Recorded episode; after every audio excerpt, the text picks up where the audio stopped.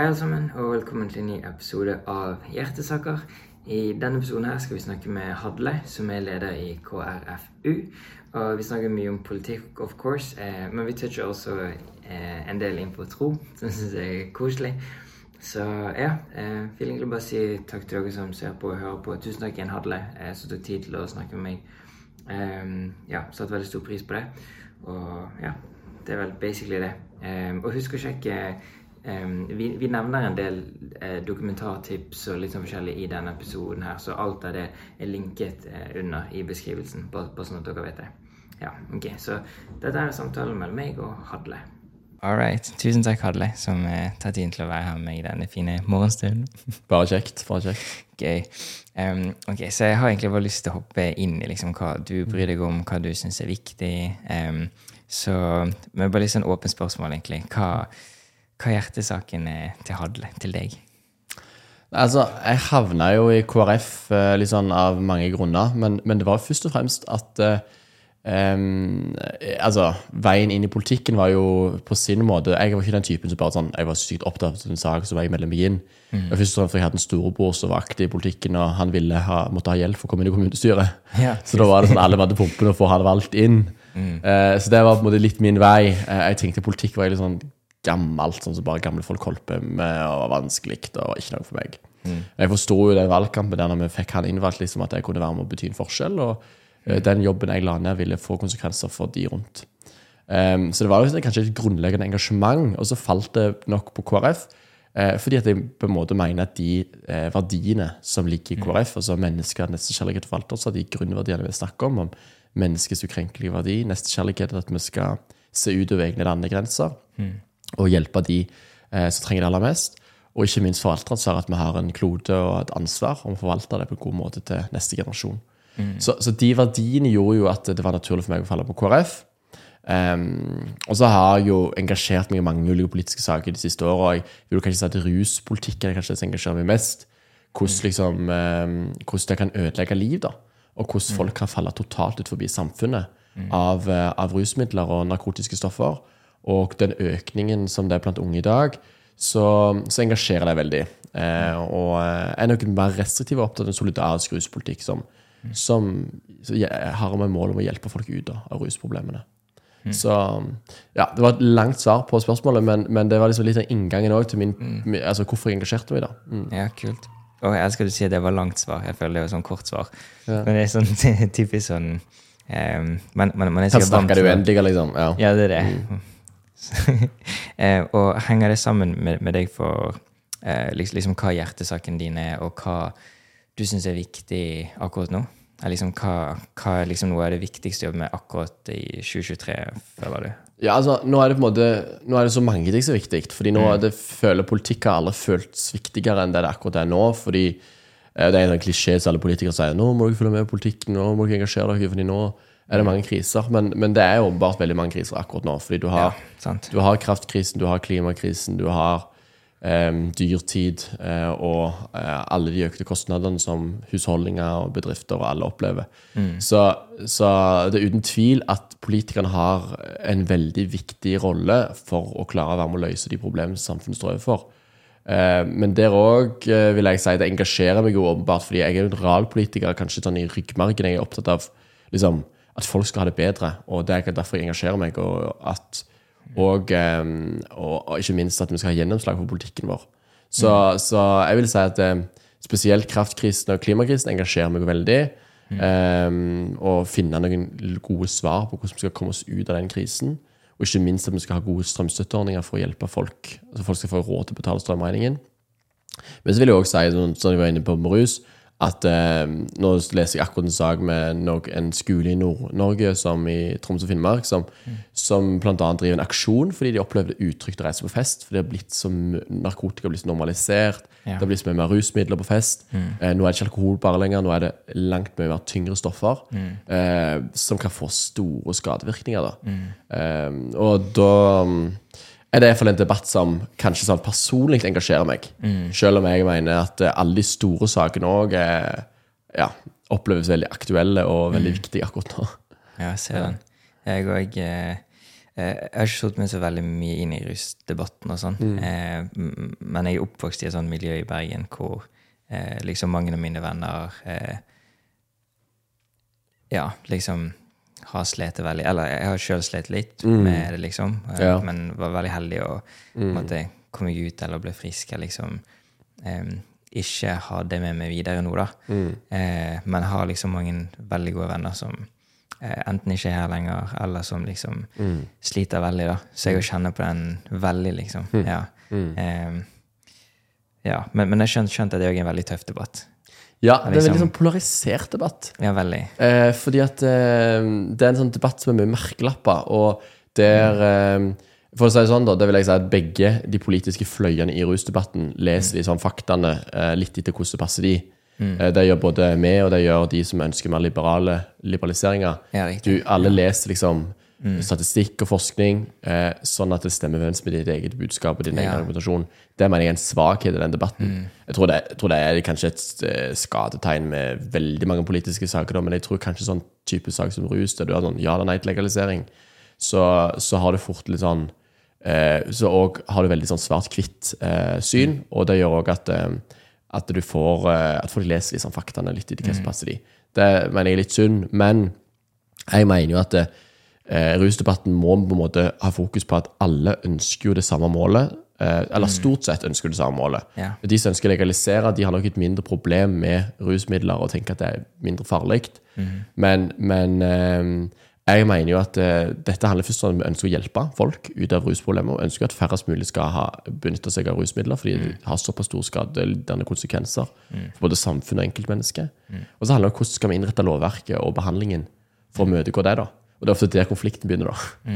Der jeg liksom mener at her her det være, her burde ikke være lovlig, og her må vi heller, eh, heller hjelpe folk ut, og da må vi ha tydelige, tydelig regelverk. Og så mener noen da at jeg står der med en pekefinger. og Eh, og Det er jo ikke det som er målet, og, men jeg erkjenner jo at det er det som kan oppfattes sånn. Men, men eh, jeg tror at vi må, eh, om vi ikke liker det, så tror jeg at ja, eh, for å kunne holde tallet lavest mulig, så må vi ha et eh, strengt regelverk. Riktig. Heftig. Em, for liksom, hva kan man gjøre Jeg synes Den er veldig vanskelig når man liksom lever i en tid hvor det finnes så mye forskning at du mest sannsynlig Eller liksom, du kan fortsatt bruke det der Ja, men forskningen sier dette, liksom, eller eh, Hva gjør man da? Er det liksom Prøver man å finne liksom, håper jeg sånn metaanalyser? Um, er det det heter på norsk? Meta-analysis. Lik- lik- Liksom når, når man samler mange studier og sånn eh, inntil én svær studie. At liksom det er det beste um, scientifice du kan bruke, liksom. Eller liksom Ja, altså- hva Ja. Altså, um, altså Det er feil å si at ehm, jeg, jeg, ehm, Ja, jeg vil si at det er veldig mye bra forskning på dette feltet, og det finnes mange seriøse aktører på feltet. Altså Jeg mener jo Aktis, for eksempel, som er en paraplyorganisasjon for veldig mange rusorganisasjoner som jobber med forebygging og behandling. Eh, det vil jeg si, De er en veldig seriøs aktør som har masse forskning og, og tall på det. Men så vil dere så er det likevel et paradoks at hver gang vi havner i en debatt, så mener de, våre motdebattanter, når jeg kanskje kan ha tall faktisk, så mener noen andre at det er helt feil. Sånn, de stemmer ikke. Sånn at eh, det blir sånn du, du står der og, og snakker fakta mot fakta, og så mener den ene at du har rett. Jeg tror jo at Ofte så kan du, for å på en måte få ned litt den polariseringen mm. Det tror jeg ofte kan være at du tar det gjennom heller dialog. Sånn som Ja. dette forumet her, snakke i podcast. Da kan du kanskje heller reflektere litt mer rundt.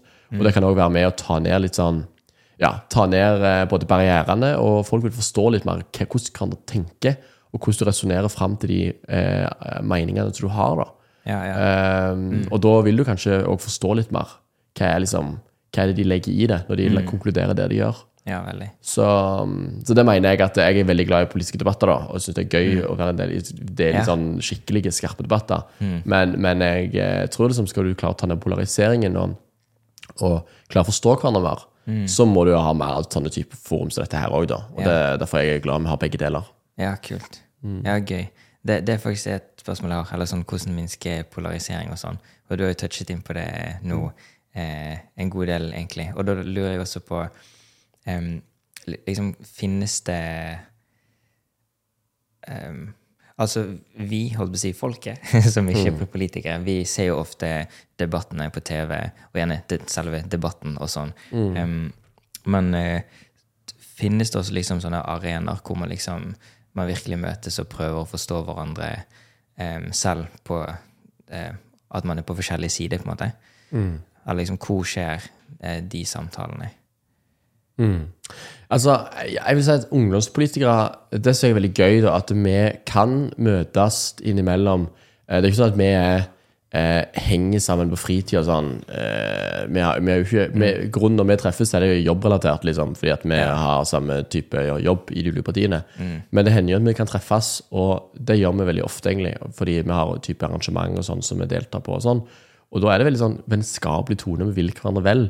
Og ikke minst så tar vi òg diskutere det politiske saker der.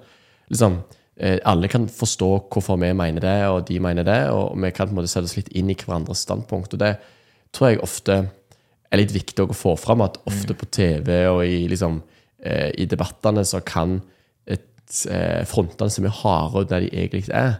Det betyr ikke liksom at eh, eh, ungdomspolitikere er en vennegjeng som bare sitter og styrer, og, for det hadde vært skadelig mener for demokratiet hvis det ble en sånn klikk. Eh, men jeg mener likevel at det er en verdi at de kan være venner på fri, eller kan snakke godt sammen og ha det sosialt i lag, Riktig. på tross av de politiske uenighetene. Eh, og vi har jo noe som binder oss veldig sammen, da, og det er jo at vi ønsker å være med og påvirke samfunnet. Sånn at eh, vi har jo en Jeg mener det er liksom en god verdi, da.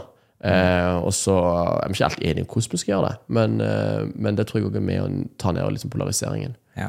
Og så jeg sier sånn, pol- Polariseringen så er det jo KrF er jo kjent for å liksom stå i mange sånn verdidebatter. Typisk sånn bioteknologi, hva skal vi gjøre med den? Nå har vi masse teknologiske muligheter.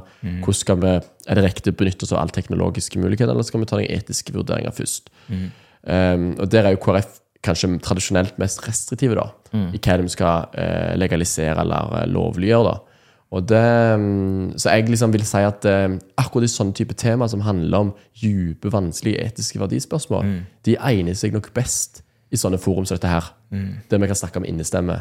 Fordi når du en skal ha det ned til enkle one-liners, så er det ikke alltid så enkelt. Nei, det Fordi spørsmålene er så dype, og det er så mange på den ene sida og på den andre sida. Mm. Og du får ikke med deg de nyansene når du på en måte skal korte det ned til bare en, en kjapp replikk. da. Ja, riktig. Wow. Um, en litt annen ting. Uh, og dette, jeg har litt sånne dumme spørsmål. Ja, bra. Spill, Altså, spill. Det liker jeg. Uh, for sånn, i KrF og KrFU og sånn, um, er alle kristne der? Nei. Um, men det har nok vært en endring uh, de Mm. siste altså, åra. Men, men jeg vil si at eh, skal du forklare liksom, vårt parti litt sånn enkelt, så er det um, Vi kom jo liksom fra at vi var en, eh, en uh, kristen bevegelse liksom, back in the days. Men på 80-90-tallet så ble vi et kristendemokratisk parti. og det vil si at vi, vi ble en del av den liksom, kristendemokratiske bevegelsen i Europa. Som egentlig er en ideologi som har bygd Europa. Liksom, CDU i Tyskland, Angela Merkels parti, er jo annet et kristendemokratisk parti. Så vi, har jo, vi, vi og Høyre har jo mange av de samme søsterpartiene i Europa. Eh, og det handler jo om at vi bygger politikken vår på verdier. Men de verdiene de må nå ut i praktisk politikk, så jeg mener alle kan være enig i. Så hos oss er det lenge siden vi fjerna bekjennelsesparagrafen. Det, vi er på en måte Bekjennelsesparagrafen så har sånn paragraf som sa at du måtte være kristen for å være med i KrF. Ja, okay. Eh, det er jeg veldig glad for å bli fjerna. Det er veldig mange år siden det. Eh, så i dag så finnes det et veldig sånn bredt meningsmangfold i partiet vårt. Eh, og det finnes òg ulike mm, ulik tro. Og jeg vil òg si sånn folk som er muslimer og har andre eh, kommer fra andre religioner, tror jeg òg vil finne sin plass i KrF. Fordi trosfrihet, eh, troens plass i samfunnet, at det er ufarlig med tro, Ja. og eh, at det er ufarlig med skoler som bygger på tro og disse tingene her. Det er liksom At vi liksom tar ned litt de høye skuldrene som ofte oppleves i samfunnet med knyttet til tro. Det tror jeg mange andre bare kristne kan kjenne seg igjen i. da. Ja, ja. Så, så um, Og jeg tror jo også det er framtida til KrF. da, At eh, vi lever i et mer sekularisert samfunn. Men jeg tror det er først og fremst de politiske sakene. da.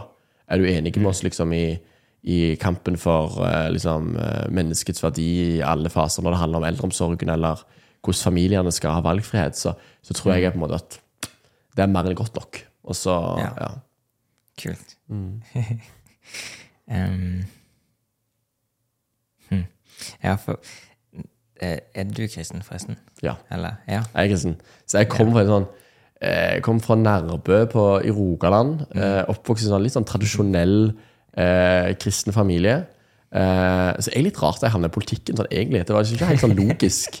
Eh, men samtidig så er jeg veldig engasjert. Men det er liksom ikke sånn eh, Det er veldig få når jeg liksom eh, i, i, i ungdomspolitikken, og iallfall der jeg er nå, da, eh, så er det veldig få som har samme type bakgrunn som meg.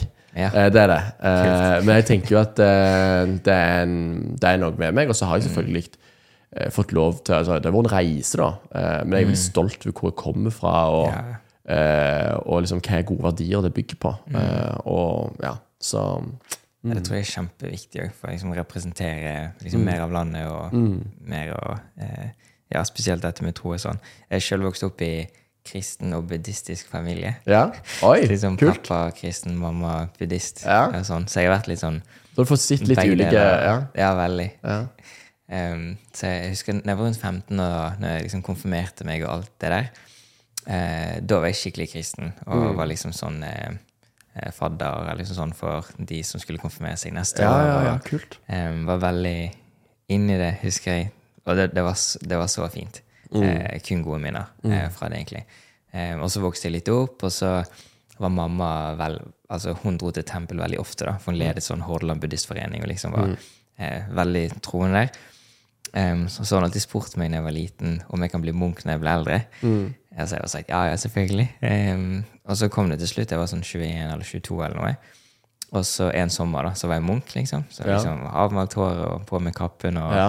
alt sammen, og levde i tempel. Em, så det er veldig interessant. Nå, nå er jeg på en måte sånn ikke-religiøs, men jeg er liksom ikke Eller jeg er bare søkende, tror jeg kanskje. Ja.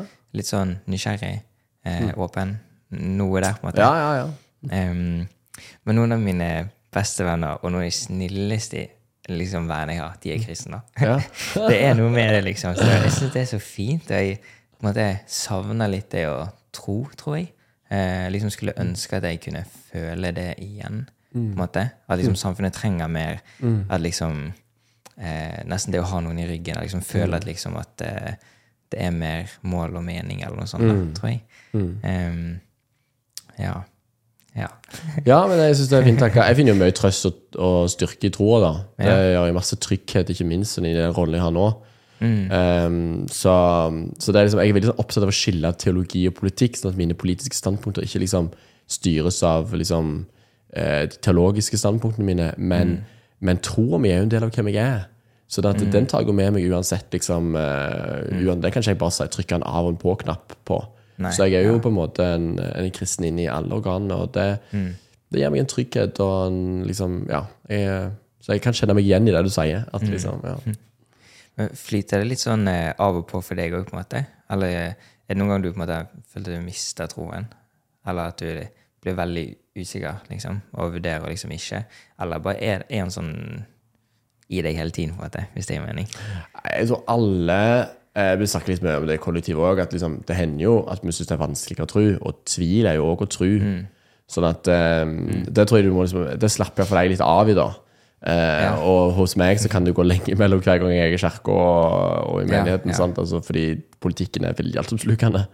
så jeg eh, jeg må vel bare komme til kort at eh, liksom, eh, jeg er ikke det beste på Det er mange ting jeg ikke klarer å få til. Og ja, veldig eh, Vi mennesker er ikke ufeilbarlige, og det minner jeg meg sjøl på, iallfall. Ja. Så, så jeg tror liksom Ja, jeg kan kjenne meg Jeg tror det er vanskelig å tro, og det tror jeg mange kjenner på. Ja, ja. Og det tror Jeg du må Jeg velger iallfall å slappe litt av i det, da. ja. eh, og tenke at eh, ja, det er lov. ja. Ja. Gøy. Em, har, har, har du noen tips til folk som har lyst til å tro? Nei, veldig godt spørsmål. Eh, altså, jeg tenker heller Ja, da må du oppsøke noen kristne miljøer, kanskje, eller noen troende miljøer. Der du opplever at du Ja. Det vil jeg kanskje være beste rådet. Ja. eh, for å forstå litt mer hva det innebærer. Og, ja. Kult, ja.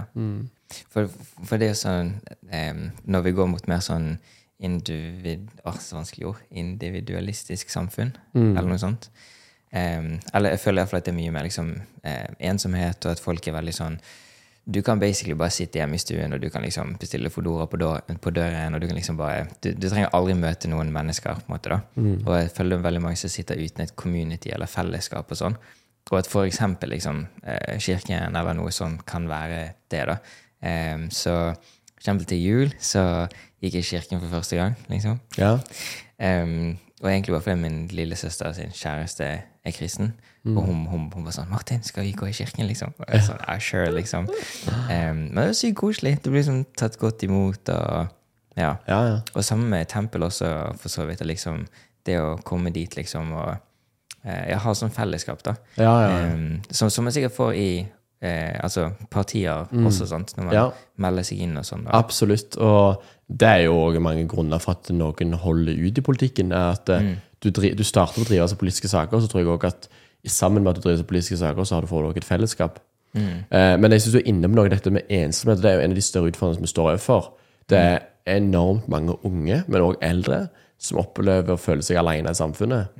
Eh, og det tror jeg liksom Det har litt sånn med vårt eh, Vi er jo kristendemokrater, som vi sier i KrF. og det, det handler liksom om en grunnleggende forståelse av at mennesket trenger ikke bare liksom penger på kontoen og god underholdning på TV-en, og så er du fornøyd, mm. og en jobb å gå til. Men du trenger faktisk også fellesskap. Du trenger andre mennesker rundt deg.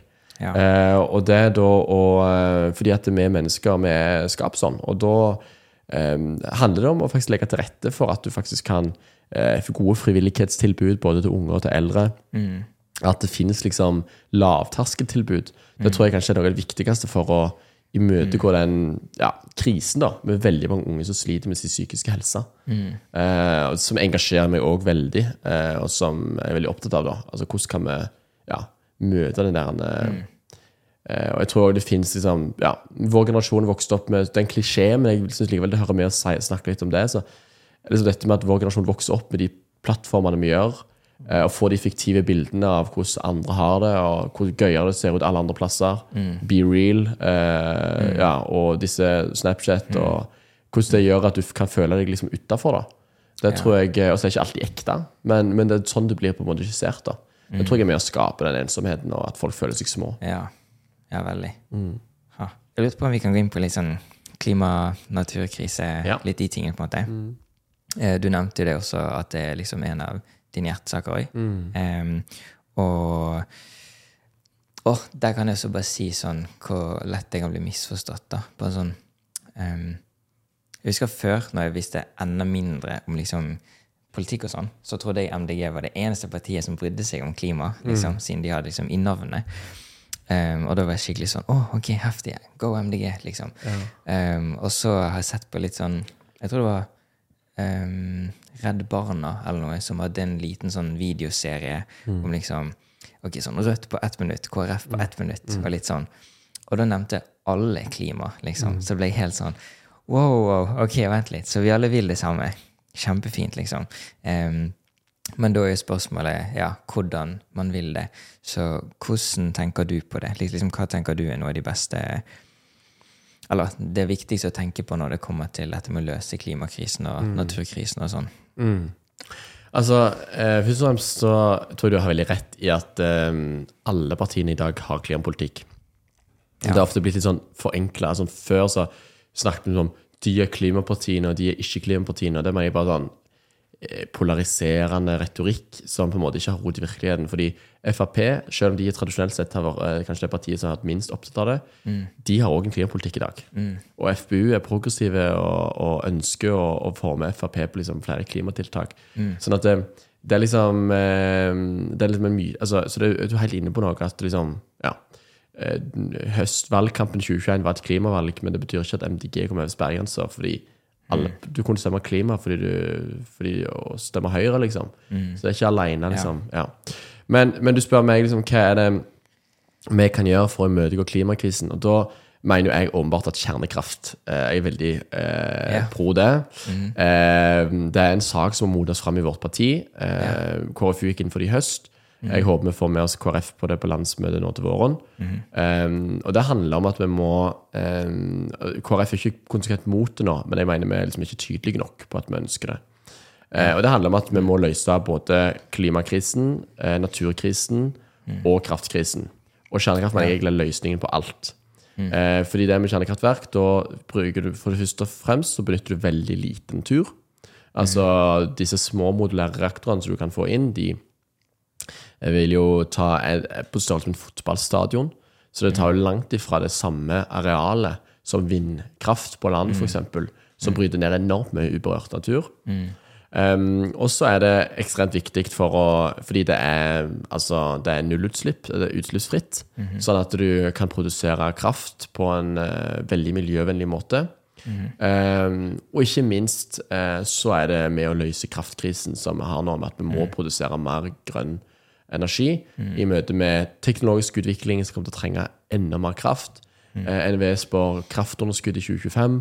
Um, skal vi klare å holde eh, sånn at strømprisene er lavest mulig for å møte familiene og de eldre sine strømregninger, og ikke minst oss unge, så, så mener jeg at vi er nødt til å produsere mer grønn energi. Så jeg mener jo at eh, kjernekraft er liksom eh, har alle løsningene. Um, og så eh, Så det er liksom en sak som jeg på en måte motiveres av og kommer til å kjempe for. Og eh, tror kommer til å være Nå var det akkurat debatten nå på eh, tirsdag, var det det? Um, så, så det er på en måte veldig Ja, på NRK. Mm. Oh, Så det er veldig aktuelt, og det er veldig eh, Nå snur jo Sverige. Eh, vårt søsterparti Kristdemokraterna, hun Ja. Ebba Busch er energiminister der. De er veldig pådrivere for det. Okay. Eh, og du har jo flere andre land i Europa nå som snur. Ja. Spennende. Hva, em, hva er motargumentene, liksom? Motargumentene er jo dette med avfallshåndtering, som er kanskje det mest krevende. Fordi at liksom du spalter um, altså atomer, som, som gjør liksom at eh, hvordan skal du klare å, å håndtere de, eh, eller å, fjerne det avfallet, for de har jo en viss form for stråling. Em, det som er veldig, De som jobber med kjernekraft, uh, og kjernefysikerne, er veldig tydelige på at stråling, eller den avfallet, finner du i alle typer energikilder. Altså solkraft, vindkraft, avfall finner du overalt. Men det handler først om hvordan, hvordan er det du ønsker å, å, å fjerne det, eller hvordan ønsker du å behandle det. Og da finnes det Finland har allerede, de har satsa mye på kjernekraft. De har funnet ut liksom en måte å, å grave det langt unna bakken, eh, der du har det på en veldig sikker måte, og der du vil eh, kunne sikre at det vil være eh, trygt og stabilt, og òg strålingen og, og far, altså skaden med det vil veldig, på veldig kort tid da, eh, bli mye mindre farlig. Sånn at eh, det er en eh, Det finnes svar på de tingene der okay. i forhold til liksom alle fordelene med det da, som det fins. Ja, ja. Og så har du disse tragiske ulykkene som Tsjernobyl og Fukushima og, og sånn, som veldig mange, kanskje vår foreldregenerasjon, har i mente. Så jeg snakker om kjernekraft, så får jeg veldig støtte blant unge. Men så er det kanskje de som er liksom født på 50-60-tallet. De har en litt annen opplevelse Ja. i ryggmargen når de hører det. Ja. Um, men der mener jo jeg at um, du må liksom det, en, det er en helt annen teknologi i dag. Det er langt mer sikkert. Uh, det er det, en av de tryggeste energikildene som vi har i dag. Uh, mye tryggere enn vannkraft. Uh, Og du har òg en uh, Du har helt andre muligheter i dag enn du hadde på den gangen. Og ikke minst så, så er det òg andre ting som utløste de katastrofene og ulykkene der enn bare liksom eh, atomkraftverket. Så mm.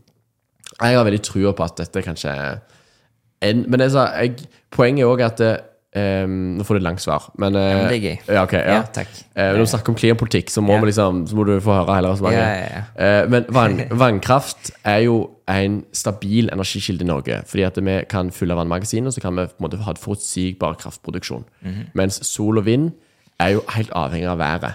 Sant? Mhm. Altså Har vi vind eller har vi sol, så klarer du å produsere energi. Hvis ikke, så produserer ikke de. Fordelen med kjernekraft er at de har litt den samme effekten som vannkraft. At du kan produsere 24 timer i døgnet. Så at du har en stabil eh, Altså en regulerbar kraft- eller energikilde, som det heter. da eh, Som gjør at du kan eh, ha mye mer forutsigbarhet i, i eh, kraftproduksjonen. Og er òg helt avgjørende for å møte din, de utfordringene som vi står overfor. Vi kan ikke liksom kun basere oss på uregulerbare. Og når vi ikke kan bygge ut mer kjernekraft, nei, vannkraftverk fordi vi har masse verna vassdrag og sånn. Og det er jo jeg og deg opptatt av, fordi vi ønsker jo å verne om naturen. sant? Og skal vi klare det, så må vi til gjengjeld da eh, satse på kjernekraft. Så ja. Kult. ja, jeg vet ikke. Jeg er iallfall mot atomvåpen, men eh, kjernekraft må jeg sette meg inn i. Men da syns jeg skal se debatten, da. Ja, At, jeg vil si eh, det. Og så har du òg eh, Andreas Wahl sin eh, Ja. serie. Eh, Kult. Den òg forteller veldig om uh, Går egentlig veldig inn sånn hva er kjernekraft, og Ja. fordeler og ulemper. Og, ja. Heftig. Så det er veldig informativ. Mm. Kult. Um, Ja. Oh, jeg elsker forresten eh, om å si boktips, dokumentartips og Ja. alt sånt. Og det er alltid gøy å linke det i beskrivelsen og egentlig liksom eh, ha litt eh, sånn Ja, å si jeg elsker bøker, eh, men jeg hører mest på bøker. Har du noen boktips? Le, eh, hvordan, hvordan, hvordan er du der? Leser du, du Hører du på podcast eller eh, dokumentar? Eller Netflix? Godt spørsmål. Jeg, eh, jeg får alltid det Jeg får ofte det spørsmålet sånn eh, sånn framtida Det finnes sånne aviser som har sånn eh, Ungdomspartilederen skal svare på sånn favorittfilm, favorittbok Jeg syns alltid like vanskelig hver gang, fordi Ja. at eh, jeg er ikke en sånn fyr som verken eh, Ja, jeg eh, følger med på så veldig mange sånne ting, men jeg leser Jeg har lest flere bøker eh, Jeg har ikke lest flere bøker, men jeg skal ikke skryte på meg det. Men jeg har lest noen bøker i det siste. mm. jeg har lest blant annet 'Jegerånd' av Eirik Kristoffersen Ja. som handler litt om ledelse. Riktig, eh, der han gir liksom innføring liksom hvordan det var å være i Forsvaret, og alle de eh, oppdragene som du sto i. Riktig. Um, Så det har vært liksom Det har vært liksom nyttig i forbindelse med at jeg har en lederjobb sjøl. og det har vært, mm. gått veldig inn i jobben min. Um, men um, ja, så det er kanskje den boka da som, Ja. som jeg liksom har nå liksom i vente. Men, eh, ja. Og angående det, har du noen tipp Eller jeg er også leder, så vi Ja. Mm. begge deler en fin rolle der. Jeg tror din, du har litt større ansvar enn det jeg har, men um, Jo, jo. har du noen tips eh, eller tanker rundt det, liksom? For du òg har på en måte ansvar for mange frivillige, sant? Mm. Ja. Og jeg syns det er veldig vanskelig. Ja, liksom Å aktivere, i hvert fall gjennom korona og sånn, og liksom dippet ned masse mange frivillige og mange medlemmer. Nå begynner det å bygge seg opp igjen. Veldig fint. Um, ja, hva tenker du rundt det? Jeg synes det er et veldig godt spørsmål, og jeg tror du er inne på noe når du på en måte skiller mellom betalt og ikke betalt engasjement. For det er to helt forskjellige måter å håndtere det på. Eh, altså Har du noen som er lønna, så kan du langt mye større grad stille krav. Fordi at du på en måte du er betalt for på en måte å bruke tida di på organisasjonen. Yes. Er du frivillig, så, så må vi være mye mer um, Hva skal jeg si Finne de Hva er det som motiverer deg? Finne de der eh, pluggene som gjør at eh, Hvorfor er det verdt å bruke tida på dette her? Um, så det er nok en mye vanskeligere jobb. Jeg vil si De som er leder for frivillige Men nå er jo vi begge det, da, jeg kan jo synes veldig synd på sjøl. Men, uh, men jeg bare synes at uh, å være leder i frivillige organisasjoner gjør at vi krever noen mye mer Det krever en mer innsats. Det krever en mye mer oppmerksomhet i møte med de som faktisk står på. Eh, anerkjennelse for jobben du gjør. Eh, du må egentlig være mye mer sånn takknemlige. eh, og, og på en måte sette pris på det arbeidet som faktisk blir lagt ned. For du kan ikke forvente at folk skal bruke liksom, Nei, det det. eh, hele dagene sine frivillig.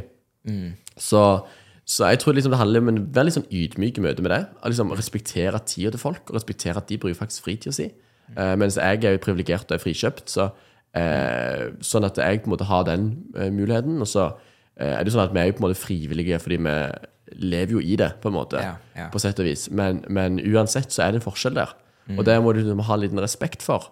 Um, og så har jeg jo generelt trua på det der å være litt sånn eh, ja, vi I KrFU har vi veldig sånn tradisjon for veldig sånn flat struktur, da.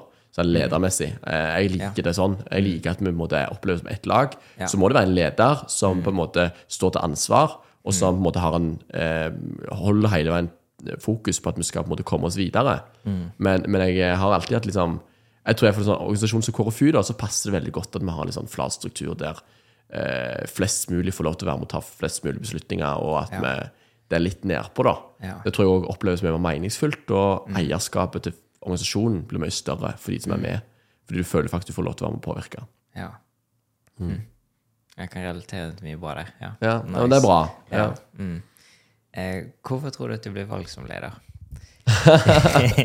Det må du spørre den andre om enn en enn spør meg om. Ja, vi må bryte janteloven. Ja, ja, ja, ja, ja. Jeg var akkurat et sånt foredrag om ledelse i går, og så sa jeg til, til de ungdommene at eh, nå må dere drite janteloven, folkens. Det Ja. liksom Ikke sant? Ehm, men ehm, Nei, altså jeg, jeg tror at det handler først og fremst om at eh, du må eh, Er du villig til å legge ned en eh, hard jobb for organisasjonen, ehm, og, har, eh, og har lyst til å være, eh, være i den rollen, så tror jeg at du på en måte Det hadde jeg, og jeg opplevde det som veldig meningsfullt å stille som leder. Fordi det er et privilegium å få lov til å lede det laget, og få lov til å være med å forme den organisasjonen. Og, og kanskje litt sånn den situasjonen som partiet vårt er i nå, liksom, der vi ligger rett under sperregrensa og har det veldig krevende, vi skal over den grensa, vi skal bli større og sterkere og snu en trend over tid, eh, som jeg er helt sikker vi skal klare. Men så oppleves det ekstremt meningsfullt å være med, da, og få lov til å være med og forme det partiet.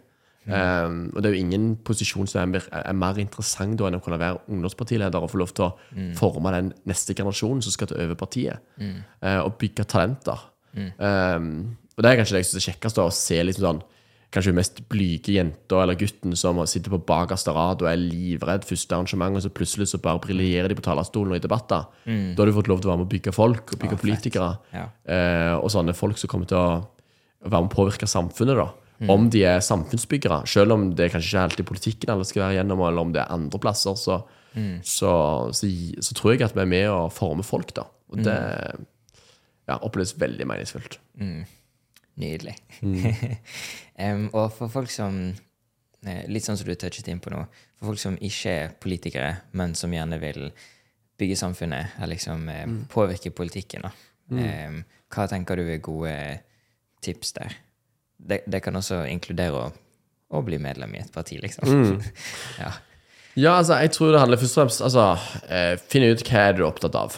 Og så er det å Så finnes det interesseorganisasjoner. Altså din interesseorganisasjon. Det fins eh, altså, Det finnes ulike organisasjoner. Sånn, er du opptatt av klima og natur, så er det jo Natur og Ungdom og en del sånne organisasjoner eh, som fins. Eh, men så har du òg da politiske partier. Og det var jo det som var grunnen til at jeg meldte meg inn i politikken, var fordi at eh, jeg visste at det å engasjere seg i, i eh, politisk parti Jeg er jo ikke nødvendigvis valgt politiker, jeg er jo ikke folkevalgt um, mm. av, når jeg meldte meg inn i KrFU. Eh, men jeg visste at det var en mulighet til å påvirke. Fordi du, på, du kom inn i organ der du får snakke om politikere. Så, så jeg vil ikke si på en måte et argument for å engasjere seg i politiske partier. Og Ja. jeg tror langt færre unge i dag eh, melder seg inn i politiske partier enn før. Eh, litt fordi jeg tror kanskje vi unge er litt mer sånn prosjektbasert. Sånn, jeg er opptatt av den saken. Men jeg er ikke opptatt av liksom, helheten på samme måten. Ehm, og liksom, når jeg har løst den saken, så er jeg litt ferdig. Mens kanskje vår besteforeldregenerasjon de meldte seg inn i et politisk parti, og så var det hele livet. Så det var nok en litt annen type tenkning rundt politisk parti og lojalitet enn det er i dag. Um, men eh, jeg mener fortsatt at liksom Ja, jeg skulle gjerne sett enda flere var med i politikken, uh, og at flere unge så verdien av det. Fordi jeg tror det er bare med å bygge demokratiet sterkere og, Ja. og sørge for bredden, da. Kult. Um, bare fikk en tanke fra noe du sa litt tidligere. Ja. Du brukte et eller annet ord angående polariseringen. Liksom polariserende språk, eller et eller annet. Retorikk, splittende retorikk. Ja. Ja. Uh, har, du, har, du, har du noen flere eksempler på det, forresten? Eller liksom når um, Eller for jeg er veldig opptatt, eller har veldig lyst til å finne mer ut av liksom, hvordan vi kan eh, få fram de på en måte, felles verdiene man har, og liksom bli mer enig i samfunnet og ha liksom ja, eh, minske polariseringen og øke liksom eh, fellesskapet, på en måte, eller communityet. Em, og da tipper jeg at liksom, ja, språket vårt er veldig viktig. Em, så ikke om du har, har noen flere eksempler eller tanker rundt det. Jeg har iallfall flere tanker. Eh, at jeg, jeg mener at liksom, det er ikke bare ikke bare vi politikere sitt altså Vi politikere har et ansvar om å på en måte ta ned frontene og sånn, men jeg tror òg at mediene, iallfall de tradisjonelle mediene, men òg algoritmene på sosiale medier, tvinger oss til å komme mye mer til poenget. Altså, vi må Ja. være mye mer eh, skarpe i sitatene, vi må være mye mer eh, spisse, spisse, og gjerne et angrep på de andre meningsmotstanderne våre, Ja. som er med å bygge opp det. Og det er fordi at Ja. det er det folk syns er interessant. Sånn at mediene er nødt til å lage programmer og debatter som er interessante for at folk gidder høre på det. Ja, ja. Og algoritmene på Facebook styres ut i hva folk liker. Eh, så vi vet jo at hvis vi er veldig konfliktsøkende, og, og vi nører opp under den splittelsen og polariseringen, så vil det til med gi spredning på sosiale medier. Eh, og TikTok òg fungerer jo sånn. Så, så det er nok en sånn Det er nok bare sånn samfunnet har utvikla seg, og så skal ikke jeg si at vi bare skal gi det opp. Eh, men vi må på en måte eh, Vi kan kjempe mot polarisering i samfunnet, og jeg tror dette sånn podkast er en god måte å gjøre det på. Men samtidig så eh, så, så jeg blir liksom på en måte litt sånn tvunget til det òg, på et sett og vis. Fordi det er litt sånn spillereglene er. Hvis du ønsker å få oppmerksomhet rundt sakene dine, så må du være spissformulerte. Men Det finnes jo ulike grad òg, da. Det finnes ja. ulik grad det å på en måte tillegge andre meninger og faktisk løgner om andre partier. Det syns jeg er usmakelig og mener vi må holde oss for gode for. Ja. Der syns jeg faktisk ungdomspolitikken ofte er Altså, vi er flinke der. Eller jeg vil si vi er ja. blitt mye bedre. Ja, ja. Um, eh, og hvis du hører liksom ja, hører ungdomspartilederdebatten i Hardal, og sånn, så vil jeg si at ja, det er tidvis skarpt, men det er ikke, det er ikke liksom uh, hardere altså, Det er ikke løgn om andre, og det er ikke liksom Det kunne vært mye grovere. Og jeg tror kanskje tidligere så har det vært grovere. Ja, riktig. ja, for jeg har sett litt av det, og eh, vil anbefale alle å egentlig sjekke ut sånn som Ja, eh, den ungdomspartilederdebatten kan linke den i beskrivelsen. Um, ja. Men en annen ting, eh, også folkevalgt. Ja. Eh, hvordan var det egentlig å være med på det? Og hva er det, for de som ikke vet? Ja, altså Folkevalgt er en serie fra NRK eh, som eh, NRK, altså Dokumentar- og samfunnsavdelingen, lagde litt i forbindelse med valget eh, 2021, stortingsvalget 2021. Der de skulle ha med ni, all, en representant fra hvert parti som prøvde å komme seg inn på Stortinget. Eh, og som handla om, liksom, om veien inn til Stortinget, og de fulgte ut hele valgkampen. Så de begynte vel i januar, eh, februar, og så filma de fram til valgdagen 13. september. Og så eh, var det jo eh, Og så var det jo eh, Og kom til sesong to, som er folkevalgt eh, Jeg vet ikke hva det heter, er det folkevalgt et eller annet til? Som handler liksom om veien etter Altså for de som kom inn på Stortinget. Og det er de fem-fire som kom inn på Stortinget av oss. Ja. Um, men jeg var med i sesong én. Det var veldig gøy. Det var veldig sp altså spesielt, fordi liksom det å ta med et NRK-team hjemme i huset sammen med familien din er veldig rart. Og jeg var jo veldig bekymra for sånn, hva skal søsknene mine altså, Kommer de til å si noe dumt, noe teit? Hvordan blir dette oppfatta? Eh, og liksom kommer familien vår til å være rar? Eh, Du, sånn, Alle tror jeg er veldig sånn sjølransakende på liksom, sin egen familie og hvor du kommer fra. Tenker sånn, alle tenker at det er så teit og rart. Eh, men, eh, men jeg tenkte her måtte jeg bare liksom hive meg ut i det. Så jeg tenker sånn her, eh, Det er sånn jeg er, og det er sånn vi er. Og, så, eh, og så opplevde jeg òg at NRK var veldig sånn De ønska virkelig å bli kjent med oss. Ja. Det var ikke sånn at de på en måte skulle karikere bilder av hvem vi var.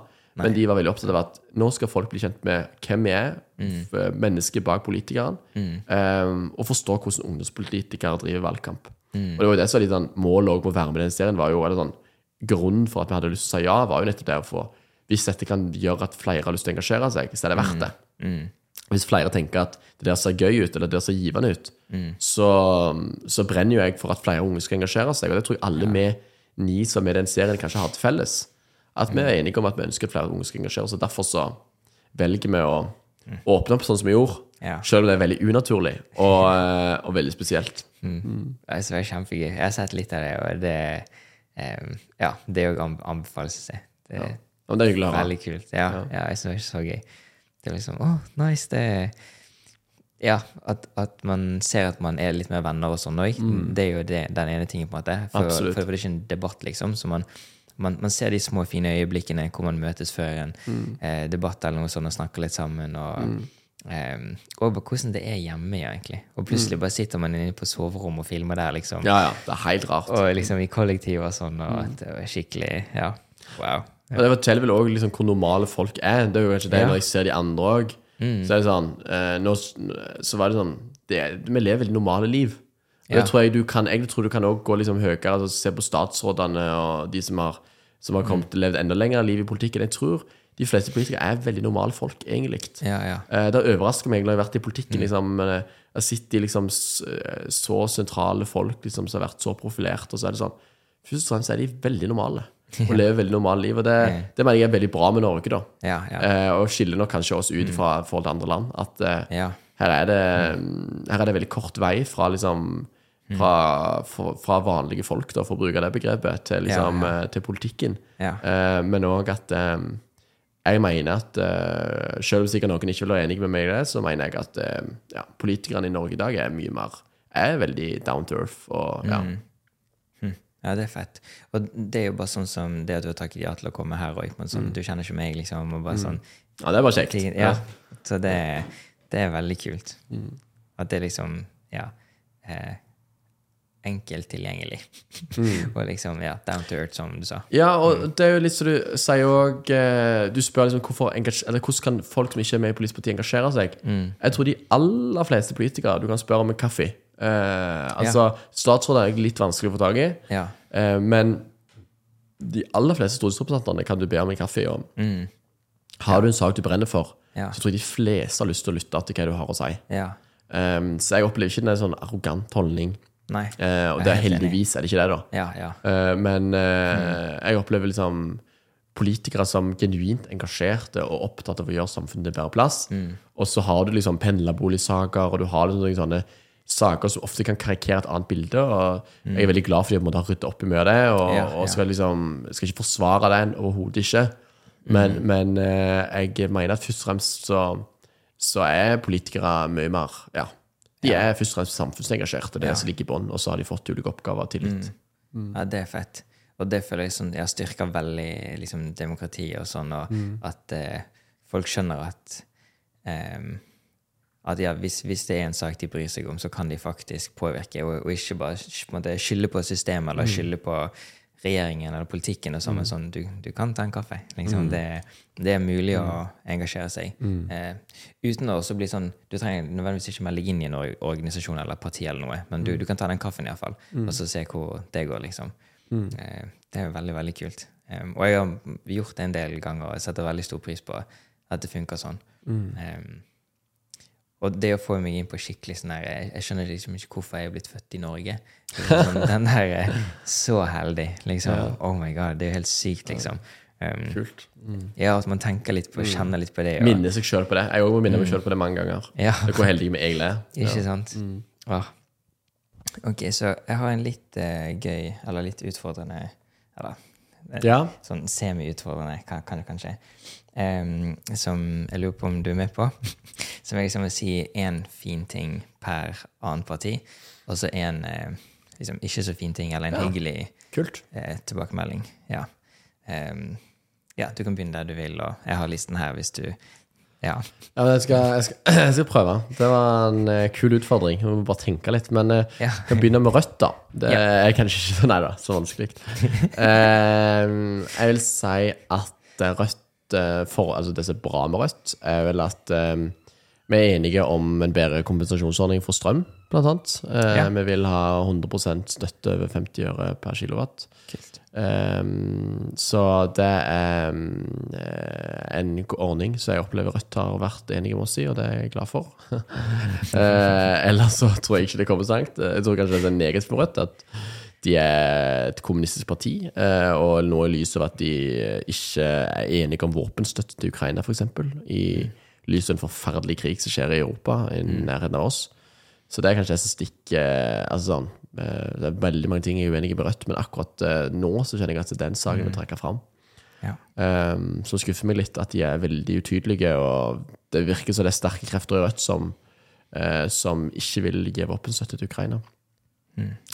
SV eh, vil jeg si har et sterkt sosialt engasjement i, sånn, i eh, kampen for ulikhet, eh, og liksom eh, Og at du jevner ut forskjellene. Det vil jeg si er en fin verdi. Så jeg er ikke alltid enig i på en måte, måten å komme seg til det målet på, selv om jeg kan dele intensjonen. Det mener jeg de på en måte er gode på.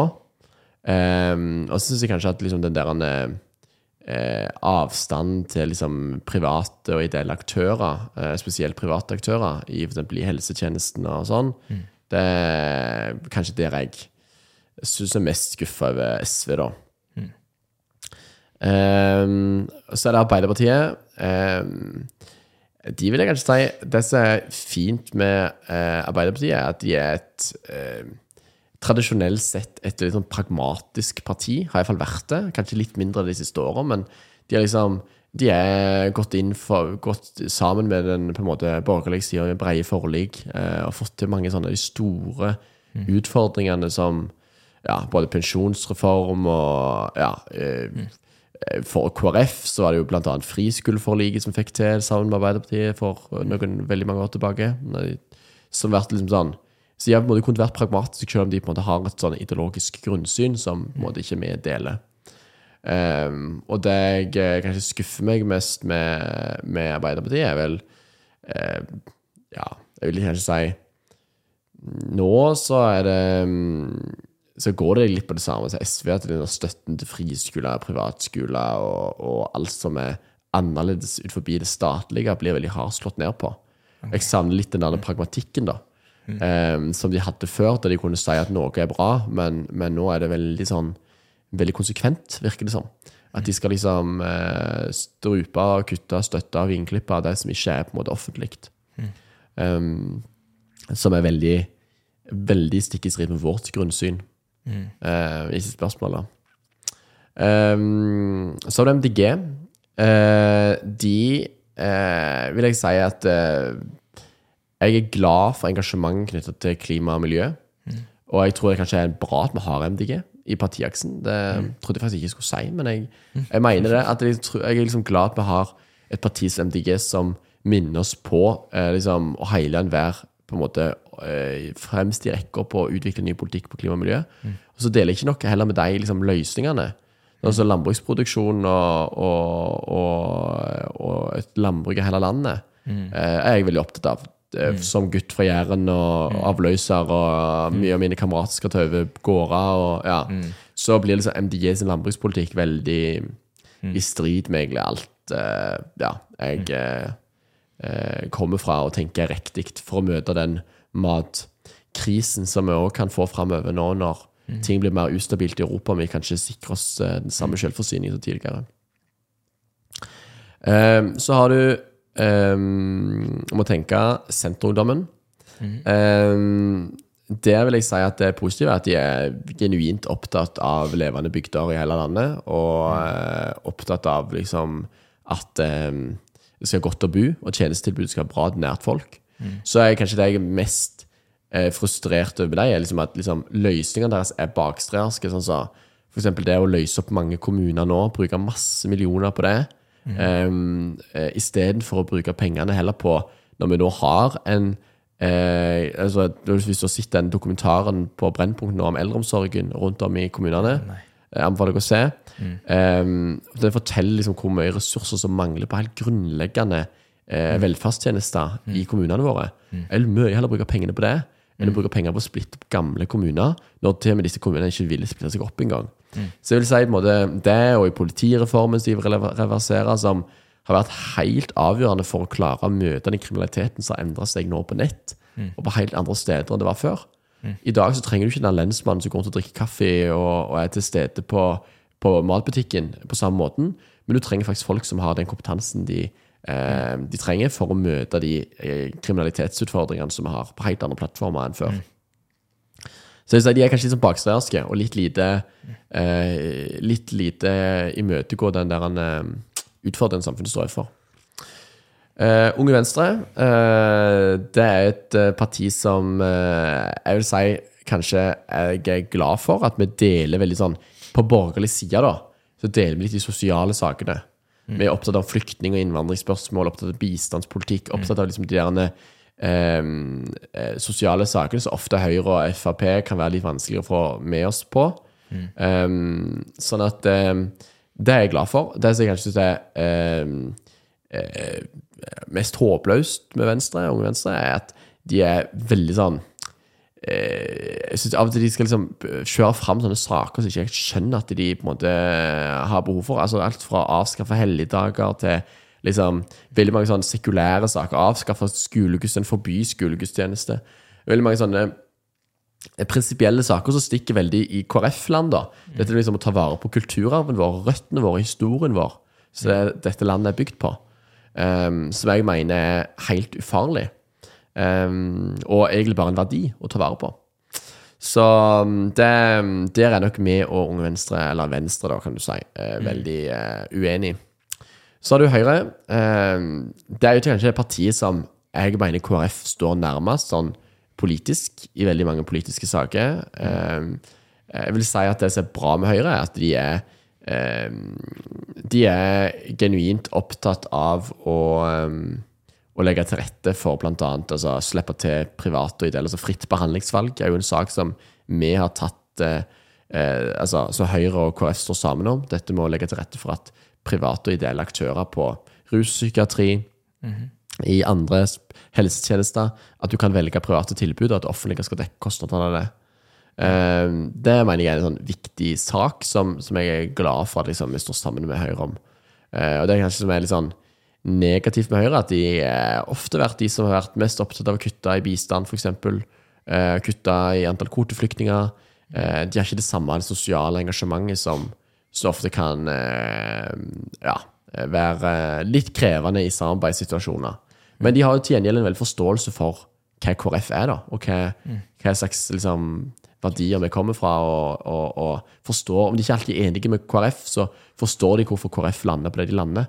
Mm. Og det er, en, det er, en, god verdi å ha når du skal samarbeide i regjering eller andre mm. samarbeidskonstellasjoner. Um, og så har du F Frp. Um, det som er bra med Frp, det er at de er um, Hva skal jeg si om Frp, da? Jeg vil si at de er et parti som er uh, Ja, jeg har sansen for at liksom, de er opptatt av å kutte i skattene og avgiftene for små og mellomstore bedrifter, så gjør det lettere for mm. uh, at liksom, næringsverdiskapning langs kysten, som mm. spiller helt avgjørende rolle til lokalsamfunnet, Um, spesielt i lys av den tida vi er i nå, med en regjering som bare øker skattene til, til de som faktisk skaper verdier.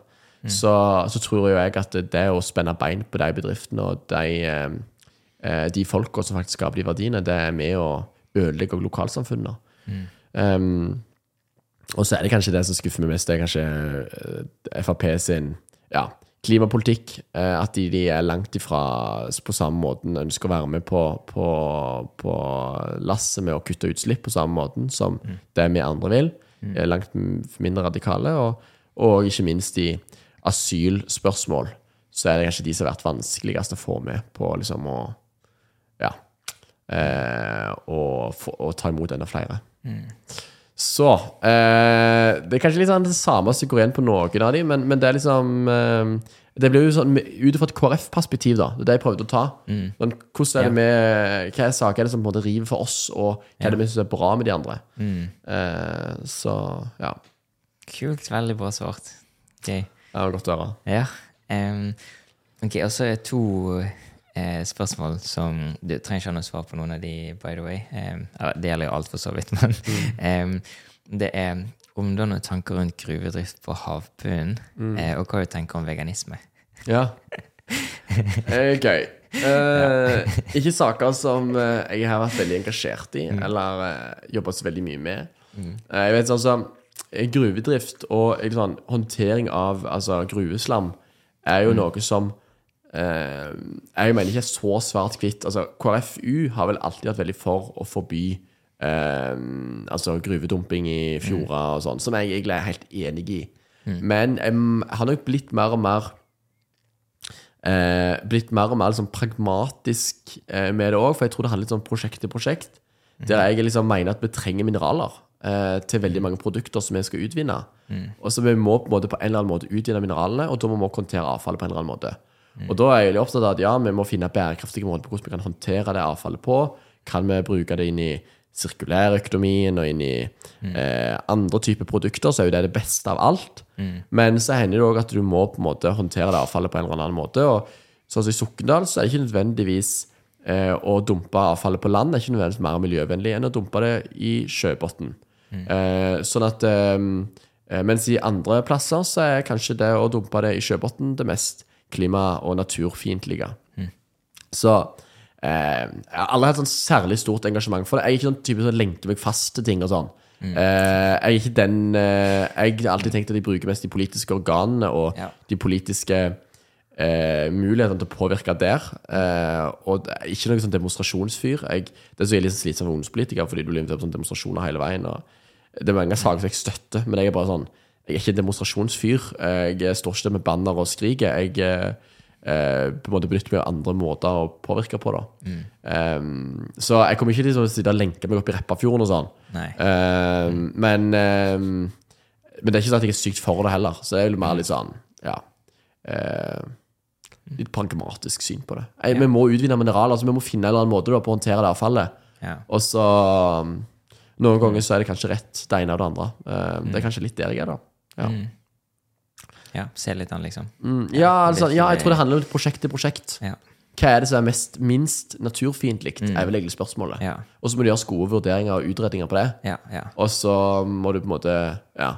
Og så håper jeg jo inderlig at teknologien og eh, gründere og de som på en måte kommer med nyskapning og ideer, kan finne måter på hvordan vi kan håndtere det avfallet på en bedre måte. Ja. Det hadde vært det beste. ja. Samme som med kjernekraft, egentlig. Liksom Bare virkelig finne gode Ja. løsninger som funker. Og, ja. Ja. Så, og så mener jo kjernekraft at du kom ganske langt da, på akkurat det. På, på hvordan du skal håndtere avfallet. Men det vil jo garantert i framtida vil det sikkert finnes helt nye måter å håndtere avfallet på som ikke vi vet i dag. ja. Veganisme. Veganisme. Jeg er ikke veganer. Eh, bare sånn at det er avklart, eh, så ikke er noe tvil om det. Eh, men det er ikke sånn eh, Nå høres det ut som at eh, jeg, jeg smisker her, fordi at eh, Når jeg sier at jeg ikke er sånn kjøtt på død liv-person, men det er jeg ikke. Altså, jeg kan spise ting uten kjøtt på, eh, på, liksom, på skiva, eh, eller til middag, faktisk, uten at det er noe problem. Men det er ikke jeg klarer. Det er sånne produkter som skal være eh, eh, Som skal være en sånn en versjon av kjøtt. Sånne kjøttfrie burgere og Ja. sånn. Hvis du forstår hva jeg mener. Jeg vet ikke hva det ja, ja. heter. Sånn planteur... Kjøtterstatning. Ja, liksom. kjøtterstatning og sånn. Det klarer jeg ikke. Smak, liksom, eller fordi det Smak. ligner, eller? Ja, smak. Smak, ja. Smak, og sikkert at det ligner, og forventningene er sikkert at det er kjøtt. Så, ja. Så, men det er sant, der kommer jo jeg fra Nærbø, fra Jæren. Eh, altså, altså, det fins jo ikke Ja, det fins kanskje en veganer, liksom, men eh, det er ikke mange av de. Jeg kjenner én, faktisk, som Oi, er i Jæren. tror kult. jeg, Ja. Stakkars han, er tenker jeg. Han blir nok mye ensom med henne. Jeg tror det. Ja, det, det er ikke det mest veganvennlige stedet, sikkert. Det er nok ikke det. Eh, Men, nei, nei, jeg bare tuller. Ingen blir jo hetsa med, men eh, jeg tror dere blir litt frista på. Det kan det være. Ja, ja. Eh, men jeg, jeg tenker sånn Folk må få lov til å gjøre som de vil. Jeg har Ja. veldig lave skuldre. Hvis noen å være veganere, så har jeg full respekt for det. Kult. De skal gjøre det, men det er ikke den måten jeg verken tenker at de skal ta vare på dyra, eller eh, være klimavennlig. Altså, og der, det er nok kanskje det som oppsummerer liksom mitt syn i klimakrisen, at jeg er opptatt av radikale tiltak. Men jeg tror at skal vi klare det, så må vi gjøre det med virkemidler og tiltak som faktisk både kutter utslipp, og som òg gjør at folk har lyst til å være med på det grønne skiftet. Ja, vi gjøre det billigere og enklere å velge miljøvennlig. Og så tror jeg også at det handler først og fremst om de store spørsmålene. Hvordan skal vi klare å løse oss energibehovet i framtida? Det er jo der de store avgjørelsene vil eh, Det er jo der på en måte vil faktisk kunne ha det utslag på den klimaeffekten. Så skal ikke jeg på en måte verken latterliggjøre eller eh, på en måte tenke at det er veldig lite, det der å dusje mindre og spise mindre kjøtt. Jeg tror det er fine tiltak. Og jeg tror det er godt som bare mennesker òg å leve litt mer nøkternt og liksom ikke fråtse eh, Ja. på de ressursene vi har. Så jeg tenker det er gode verdier. Men, men, eh, men jeg tenker liksom litt sånn at folk må kjenne litt sjøl hva de på en måte har lyst til, og ja, hvem de sjøl vil være, og hvilke friheter de sjøl vil ta. Kult. Ja. Gøy.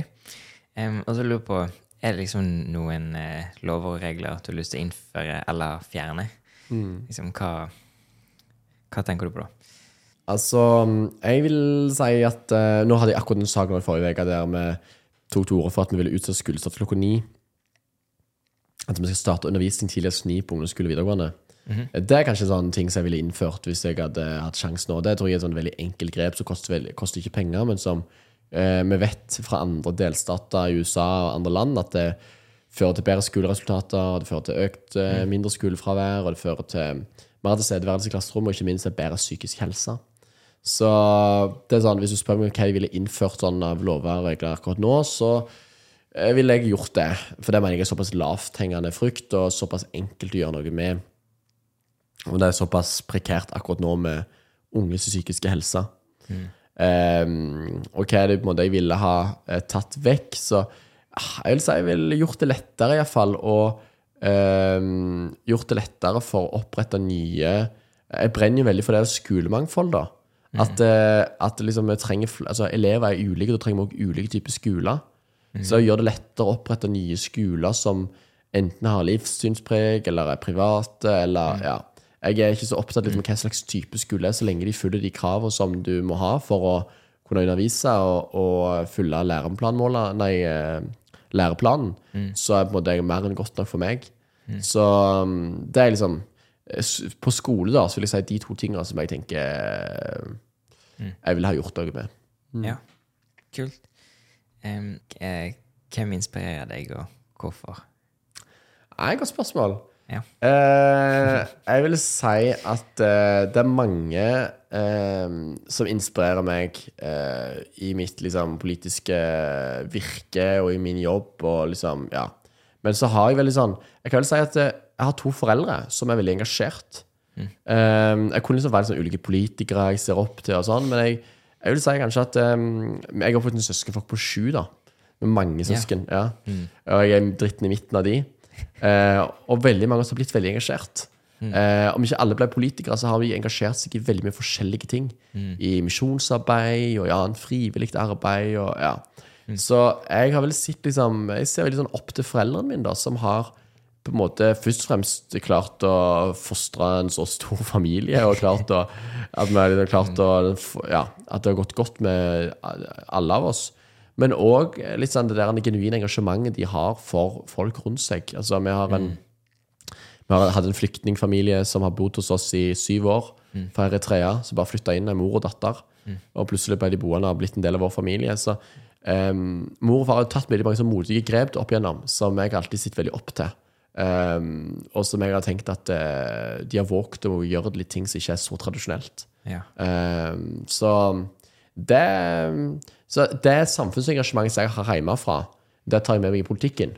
Så om ikke de, de er ikke politikere sjøl, men de er på en måte engasjerte på andre måter, mm. så jeg måttet sitte av verdien av å være med og bety noe for andre. Mm. Så det inspirerer seg av. Mm. Og hvis du skulle ha valgt eh, å lage en dokumentar, Eh, hva skulle det handlet om? Um, ja, det var et veldig godt spørsmål. Um, jeg tror at det som kanskje er uh, Det er kanskje litt sånn Ja, kanskje en dokumentar om um, uh, alt det ideelle arbeidet som skjer. Altså, det fins så mange. Altså, Hvis du ser liksom i Oslo og i mange byer du har Kirkens Bymisjon, du har Frelsesarmeen, du har Blå Kors, og du har liksom så sykt mange viktige eh, organisasjoner som gjør en helt vanvittig jobb for rusmisbrukere, for folk som faller utenfor. Um, og så er det likevel et paradoks at politikerne velger å kutte støtten til dem år etter år. etter år. Mm. Um, og så hender det at de av og til får, liksom, får nye bevilgninger på slutten, men, mm. men det liksom, de blir aldri vil jeg si, premiert på den måten de burde vært. De burde lufta på en pitestall, egentlig. Mm. Fordi den jobben de gjør, er liksom Det statlige klarer ikke å konkurrere med det. De leverer et helt unikt tilbud. Mm. Så, så jeg, jeg, tror bare folk vet for lite om hva det arbeidet innebærer. Ja. Så dokumentarserie ville kanskje vært litt mer opplysende. da. Cool. At folk hadde forstått liksom hva slags vanvittig innsats som folk legger ned frivillig, og, og, mm. og, og, virkelig brenner for andre. Mm. Um, så det tror jeg hadde vært interessant. Det tror jeg eh, flere i Norge hadde trengt å sitte. Ja, mm. fint. Um, har du noen eh, siste tanker eller noen andre ting du vil snakke om som vi ikke har snakket om? Nei, så jeg kom på. Jeg vil si Det er veldig kjekt å være her. Det er kjekt å diskutere med deg og snakke med deg. Og, okay. ja, det var gøy å være her. Ja, nice. Tusen takk, Adele. Takk. Gull. Ja. All right. Jeg håper dere som så hørte på, syns det var en uh, interessant episode. Hvis dere har noen feedback, uh, spørsmål eller uh, tips til um, forbedringer eller kommende gjester eller temaer og sånn, um, så er det bare å gi en lyd. Og igjen, husk å sjekke beskrivelsen sånn for linkene til det vi har snakket om. Og takk igjen til deg, Hadle. Og ja, håper alle får en amazing dag. Ok. Ha det bra.